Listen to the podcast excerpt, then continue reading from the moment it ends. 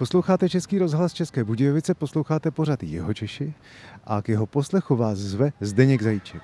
Mikrofon, který poslouží k natočení toho, co se chystám natočit, jsem zapnul v Českokrumlovské radniční ulici. My ale nejdeme na radnici, byť jdeme navštívit člověka, který na ní strávil 8 let svého života. Jdeme za Janem Vondroušem, prvním porevolučním starostou Českého Krumlova. Vy jste Jihočech rodem? No, já jsem totiž z Jižních Čech nevytah paty, jo. budete se divit. Ale já teda vyjma nějakých cest, teda převážně nějakých služebních, když jsem teda byl tady na radnici v Krumlově, tak jsem z Jižních Čech nevytáhl paty. Já jsem rodem Blateňák, pak jsem e, se přestěhoval, nebo rodi, s rodičem jsem se přestěhoval do Strakonic. To bylo někdy v osmá třída jsem začínal ve Strakonicích. Pak jsem tam absolvoval gymnázium ve Strakonicích. Z gymnázia jsem šel na vysokou školu do Českých Budějovic na zemědělku. Z Českých Budějovic po státnici eh, jsem šel na první štaci do Záboří u Blatné.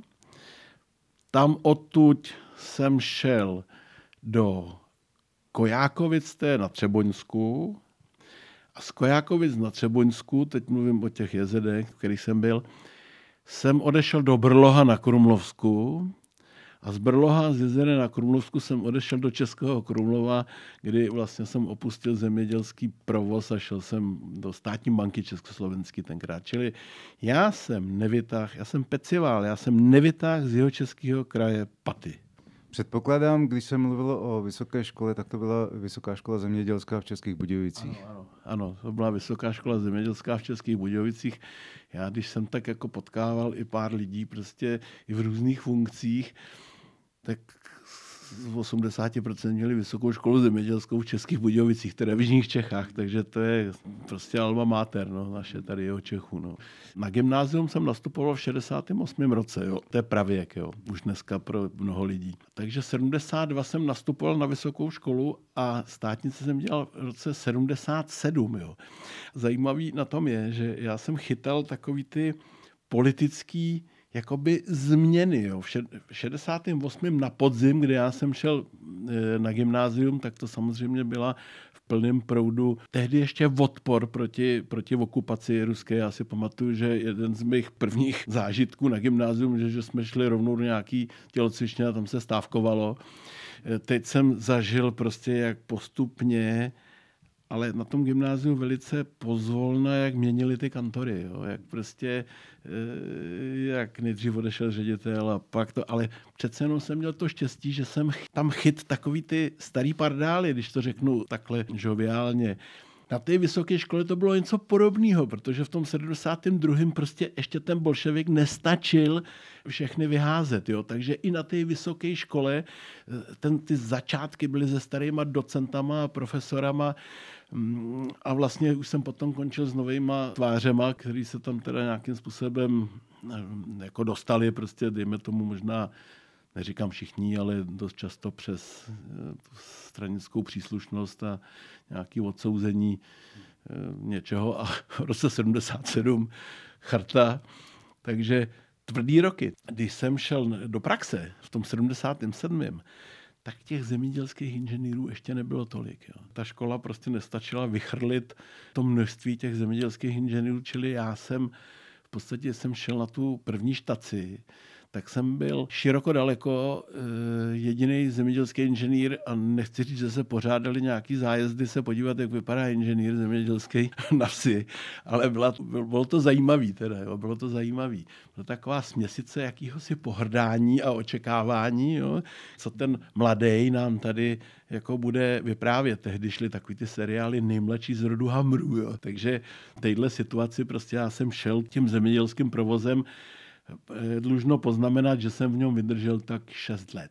Víc ne. Pak jsem teda utek do té banky, do Krumlova a tam vlastně jsem se dožil eh, revoluce v roce 89 a chvilku jsem tam ještě jako přetahoval, potom, potom roku 89, že svobodné volby vlastně i komunální přišly někdy na podzim, předtím byly ty parlamentní, takže vlastně já jsem došel tímto způsobem k těm prvním svobodným volbám komunálním, no a pak jsem 8 let strávil na radnici tady v Českém Krumlově. Pojďme se ještě od toho listopadu 89 vrátit zpátky do dětství a k předkům, protože eh, vaše kořeny, byť jste říkal, že jste tedy se narodil v Blatné, nebo že pocházíte z Blatné, tak vaše kořeny jsou ještě, když se podíváme hlouběji dál, také jeho české. Jedna část je jeho česká, to je právě to Blatensko, protože tam prostě ty předci byli v obci Pacelice, tam měli grunt. Potom můj děda z mámy strany byl komorníkem Hilpranta. Takže moje máma, která se narodila v roce 1917, dožila se téměř 100 let, takže už teda je nějakou dobu po smrti, tak ta vlastně na tom Blatenském zámku strávila dětství.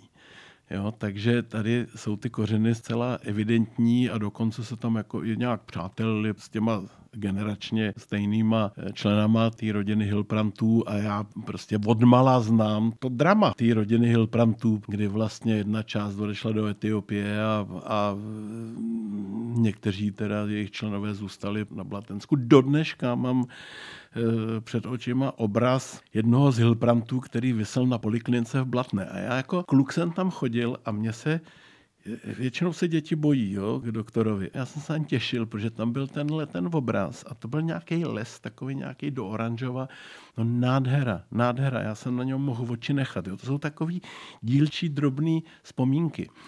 Ale druhá část eh, pochází někde z Pardubická, eh, kde teda zase praděda, taky měli nějaký velkostatek, dokonce asi no, poměrně dost velký, protože se tam koupili někde v Hotkov zámeček na nějakou dobu. Pak o to přišli nějakým způsobem asi špatnýma investicema, ale zainvestovali v dobrém směru, protože nechali vystudovat svý děti. A můj děda, ten vystudoval v Heidelbergu takovou hospodářskou školu a moje teta e, měla Sorbonu, si představte, v té době nějakého přelomu století a byla učitelkou na gymnáziu ve Slaném, Eh, tak to jako musela být svobodná, že jo, tam ten rod jakoby v tomhle směru končí. Mimochodem byla to přítelkyně Vrchlickýho. No a můj děda se dostal na ten jich taky, protože přišel jakoby hospodářský expert, tak šel do služeb ke Schwarzenbergu. A v podstatě prošel já si myslím, že podle fotek a podle takových nějakých záznamů, já jsem ho nepoznal, že on umřel v roce 42, jo ale podle těch fotek a těch záznamů se mi zdá, že prošel skoro všechny panství, který ty Schwarzenbergové měli. Vím, že to je určitě Vimperk, chvilku v Krumlově. Pak ale skončil prostě u té orlické větve a končil poměrně dost vysoké funkci eh, a to správce švarcemberského panství Chínov. Ale tím už chodíme po těch jižních Čechách zase, takže taková ta epizodka toho pardubického kraje mi snad odpustí teda posluchači. ne, ne, já se ptám schválně, protože když to eh, vidím potom v té posloupnosti, tak vy jste de facto v tom 89. 90. přešel eh, z téhleté hospodářsko-ekonomické části do politiky, stal jste se prvním porevolučním starostou v Českém Krumlově a de facto ale jste v podstatě zůstal pořád v tom samém gardu, čili v gardu těch svých předků, správcem něčeho, protože první, co se tady muselo stát v tom Českém Krumlově jako takovém, tak se musel začít spravovat. A to doslova a do písmene. Je to tak, je to tak. Já eh, si teda můžu opustit eh, historii rodu a vrátit se třeba po, té doby, po té revoluci, tak to samozřejmě tak je. Jo. Já jsem se k tomu dostal, k tomu starostování eh, asi proto, protože jsem jako, já jsem nikdy nebyl ve straně, prostě ani moje rodiče nebyli ve straně, takže máme tady v tomhle směru takový jako docela čistý štít. Ale já jsem byl takovým kritikem prostě a, a furt jsem houral a žvanil a, A říkal jsem, že to je špatně tenhle ten, a to myslím teda před revolucí, jo. A, furt, a bylo to o mě známý, jo. Já jsem nebyl žádný dizident, jo. Já jsem třeba odebíral nějaký ty, ty samizdatový lidový noviny a takovýhle, jsem spoustu kamarádů v Praze, ale nebyl jsem žádný prostě statečný dizident, to ne, ale furt jsem žvanil, furt jsem říkal, takhle to je, a tohle je blbě, a tohle je špatně, a takhle to nejde, a je to nelogický prostě. A bylo to o mě známý, teda divím se, že si pro mě nikdo nepřišel, ale doběhlo mě to po té revoluci. Já jsem bydlel na náměstí v Krumlově, tam byla ta banka, že já jsem bydlel úplně v tom hořejším patře, nejhořejším patře. A začal jsem spolupracovat prostě tady s tím občanským fórem a v tom občanském fóru jsem byl jakoby vyzván tím občanským fórem, hele, ty jsi takový žvanil, prostě ty jsi furt houral, kritizoval a furt se ti něco nezdálo, tak se koukej teďko sebrat, jdi na tu kandidátku, jdi na první místo ty kandidátky toho občanského fóra a něco ukaž teda, chlapče. Jo, takže tímhle způsobem jsem já se dostal na tu kandidátku toho občanského fóra. No, ty občanský fóra tenkrát vyhrávali poměrně dost hladce, takže byť jsem třeba dostal asi třetí největší počet hlasů preferenčních, v podstatě e, jsem mm, jakoby vyhrál v tom občanském fóru a byl jsem teda nominován na toho starostu. Ale když se vrátím k tomu hospodaření, jo, tak ve své podstatě jsem si uvědomil, když jsem si sed, já jsem se furt na to náměstí díval takhle z té banky ze zhora. A bez odpovědnosti, jo? furt jsem koukal do nějaký ohrady železný, která tam byla asi 10 let a nic z ní nebylo. Jo? To, to bylo kolem té jižní strany náměstí, byla taková ohrada, si musíte určitě pamatovat. Rezavá ohrada, která jako byla součástí asi nějakého staveniště, protože tam opravovali, ale v té ohradě nic nebylo. Jo. Tam chodili ty zednice a hráli tam karty a pili pivo, který si koupili v tom bufáči v 6 takže tam jsem koukal, ale bez odpovědnosti. A najednou jsem prostě přešel na tu radnici, tam jsem si sedl a najednou jsem na to náměstí koukal. Ale teda, bacha, jo, to, to byla změna, jo. To jsem prostě najednou jsem si uvědomil, kam jsem se to dostal. Že vlastně teď si za to chlapče odpovědný. Teď se koukej předvést, jo. A neříkám, že se mi roztřásly kolena, teda úplně, jo, ale uvědomil jsem si, do jakého problému jsem zapad, jo. Protože to město, kdo ho znal v tom roce 90, tak to bylo na hadry e, z 80% a pár domů, který si nadšenci tady prostě nějakým způsobem opravdu pár doktorů, pár památkářů, pár umělců, jo. Takže ten, ten stav toho Krumlova byl jako samozřejmě hrozný. A já jsem se najednou stal odpovědným za to, aby se to změnilo.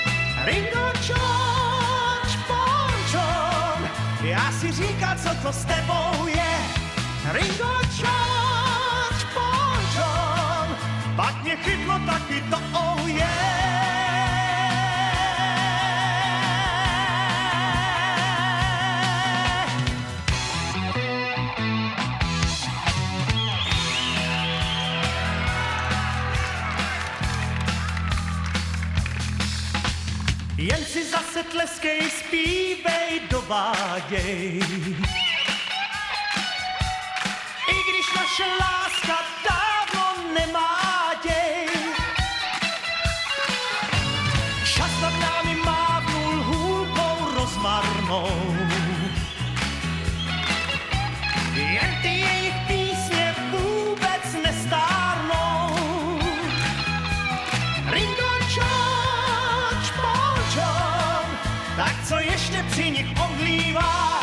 Ringo, George, Paul, John, oni jako my jsou každý zvlášť.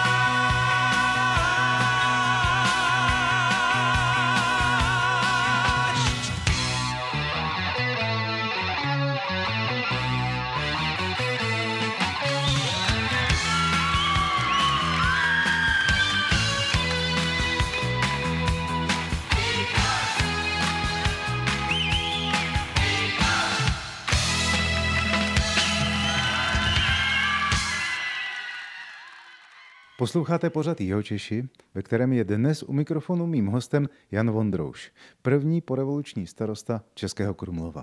Každý, kdo si pamatuje tu předrevoluční atmosféru v Českém Krumlově, tak si musí vybavit například toto. My jsme teď eh, tady eh, na rohu Radniční a Dlouhé. Tady vedle bývávaly kdysi potraviny, potom eh, v dnešním hotelu Dvořák vedle bývávala dole mototechna. A tady celá ta ulice, když se šlo nahoru, tak tady už jsem se začínal bát, protože tady v těch výklencích dole v těch domech bylo prázdno, z pravidla tam byl vždycky vidět nějaký obličej v nějaké tmě dvě oči a já jsem se bál, kdo to na mě eh, z toho domu vybavne v noci nebo večer. Navíc tady strašně smrděla řeka, vždycky. Nebo takřka vždycky, protože se s papírem z větřiní vypouštěly do Vltavy nějaké šedobílé bubliny.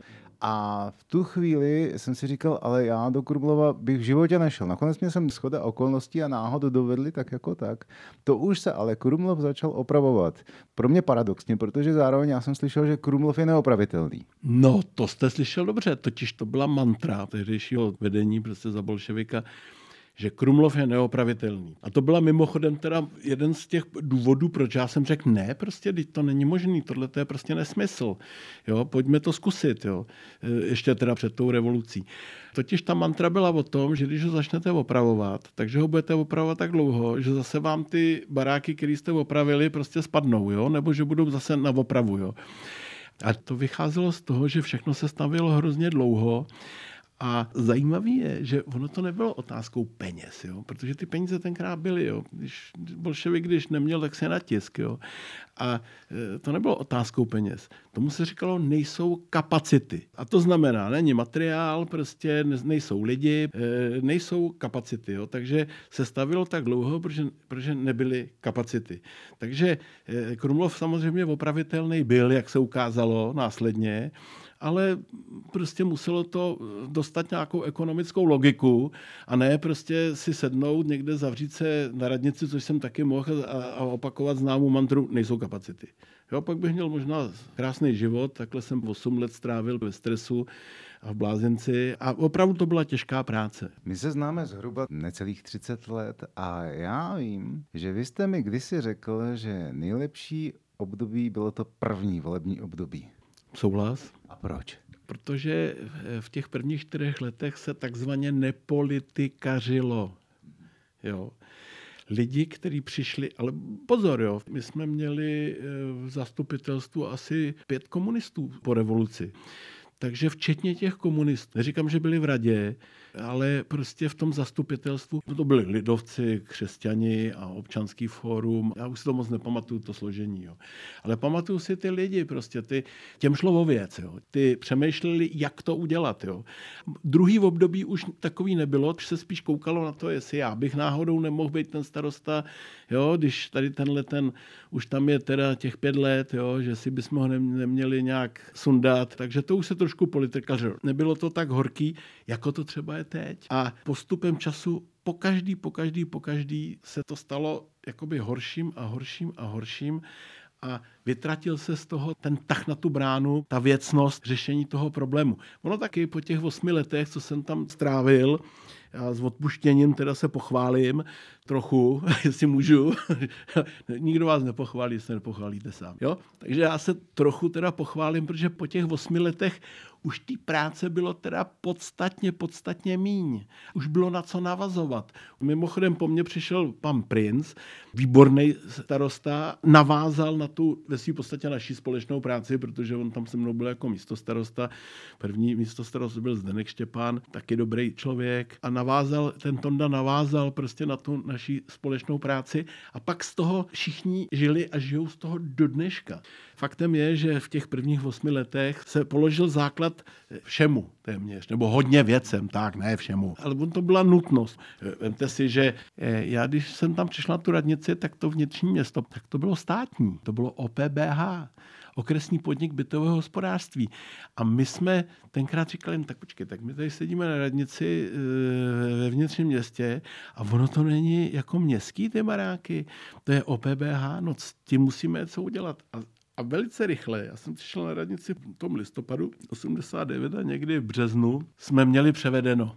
Udělali jsme spolu s okresním úřadem, kde teda seděli taky rozumní lidi, tak jsme udělali likvidaci toho PBH do nuly a v rámci té likvidace nám to ten stát v podstatě převed to historické jádro a bylo to za nula. Ale už to bylo naše, my jsme teda se trošku spotili o malinko víc, protože už to bylo naše, už jsme za to byli zase ještě víc zodpovědní. Ale nicméně už jsme měli šanci s tím něco dělat. Jo. To znamená, že jsme si sedli, zpracovali nějaký koncept. Ten koncept byl o privatizaci, ano, byl. Ale o jaký? Ne výprodej ven. Eh, moment, radovalo se svého času, že přišel třeba někdo a řekl, já chci koupit tady celou stranu jedné téhle ulice. A... To je pravda, no. Ještě říkali tady, já jsem Hans a já chci jednu stranu a Franz chce druhou. Takže já to trošku zlehčím, jo. Ale jo, jo, tak nějak zhruba to bylo. No tenkrát ta síla kupní té marky a, a nebo toho šilinku prostě byla úplně nesouměřitelná s, s nějakou korunou prostě v roce 91, 92, jo. Ale my jsme říkali, ne, ne, ne, chlapci, jo, přijďte, ale až budeme budeme mít jasný koncept, co s tím chceme dělat. Jo. A my jsme říkali, tak pojďme ty objekty, které jsou snažší, jednodušší k využití a opravě, pojďme vymyslet, jak to nějakým spravedlivým, musíme říct relativně spravedlivým, že tu spravedlnost úplně nenajdete, jo převedeme prostě těm místňákům. Jo? A pak vznikla ta vyhláška, kdy jsme vlastně prodávali ty domy těm bydlícím, který měli předkupní právo, nebo i podnikajícím už v té době tam. Takže se nám podařilo, a to zkrátím, prostě se nám podařilo v tom roce 96 to nějakým způsobem, možná pět, to nějakým způsobem mm, zprivatizovat.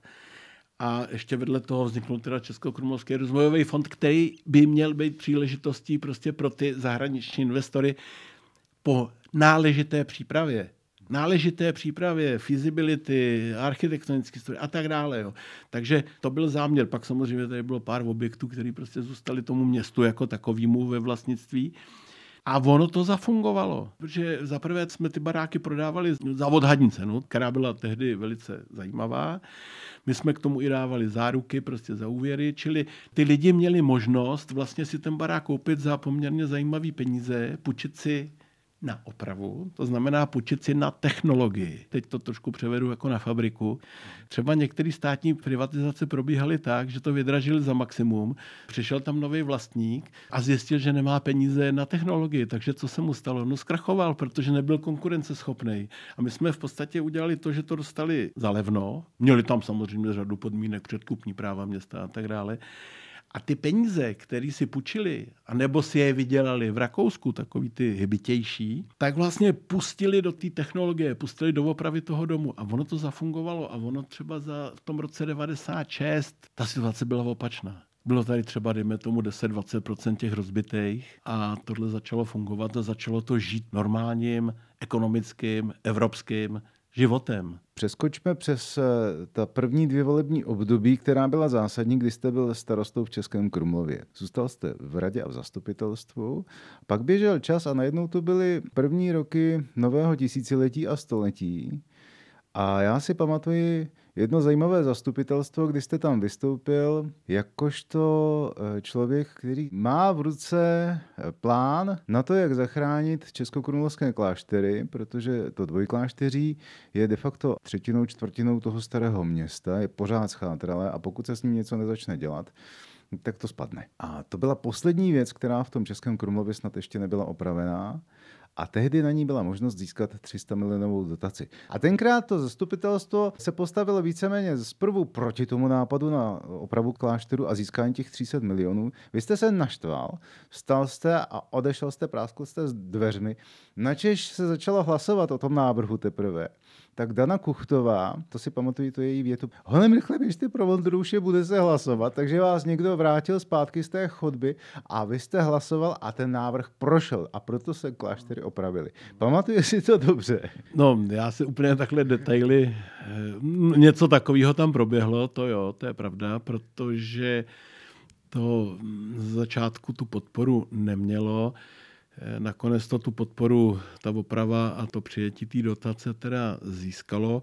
Faktem je, že to byla jako velice tvrdá práce zúřadovat tu dotaci, takže tam panovala takováhle obava. Konec se ukázalo, že to prostě jsme schopni zúřadovat. Přijali jsme na to pár jako schopných lidí, kteří to dotáhli do konečné podoby. Faktem je, že dneska ty kláštery jsou trošku jako jablkem sváru současných zastupitelů nicméně já se domnívám prostě, že jenom ten fakt, že ta památka nespadla, že je opravená, že je z větší části v, v majetku města, tak je to zase taková nějaká rezerva, když řeknu, že ten Českokrumlovský rozvojový fond je rezerva téměř půl miliardová, tak tady máte najednou ještě kláštery, které mají taky prostě jako úžasnou hodnotu a to město dneska má základ pomalu miliardový v nemovitostech. Takže eh, má to své výhody a má to samozřejmě své nevýhody. Podle mého by se tam mělo trošku víc dbát na tu ekonomiku a na tu efektivnost provozu, protože si myslím, že to nemusí být až takhle dotováno, že by dokázali tu ztrátu podstatně snížit, ale na tom se nějak pracuje, takže já si myslím, že to bude celkově velice pozitivní. Slyšeli jste další vydání pořadu Jihočeši? Tentokrát byl naším hostem Jan Vondrouš.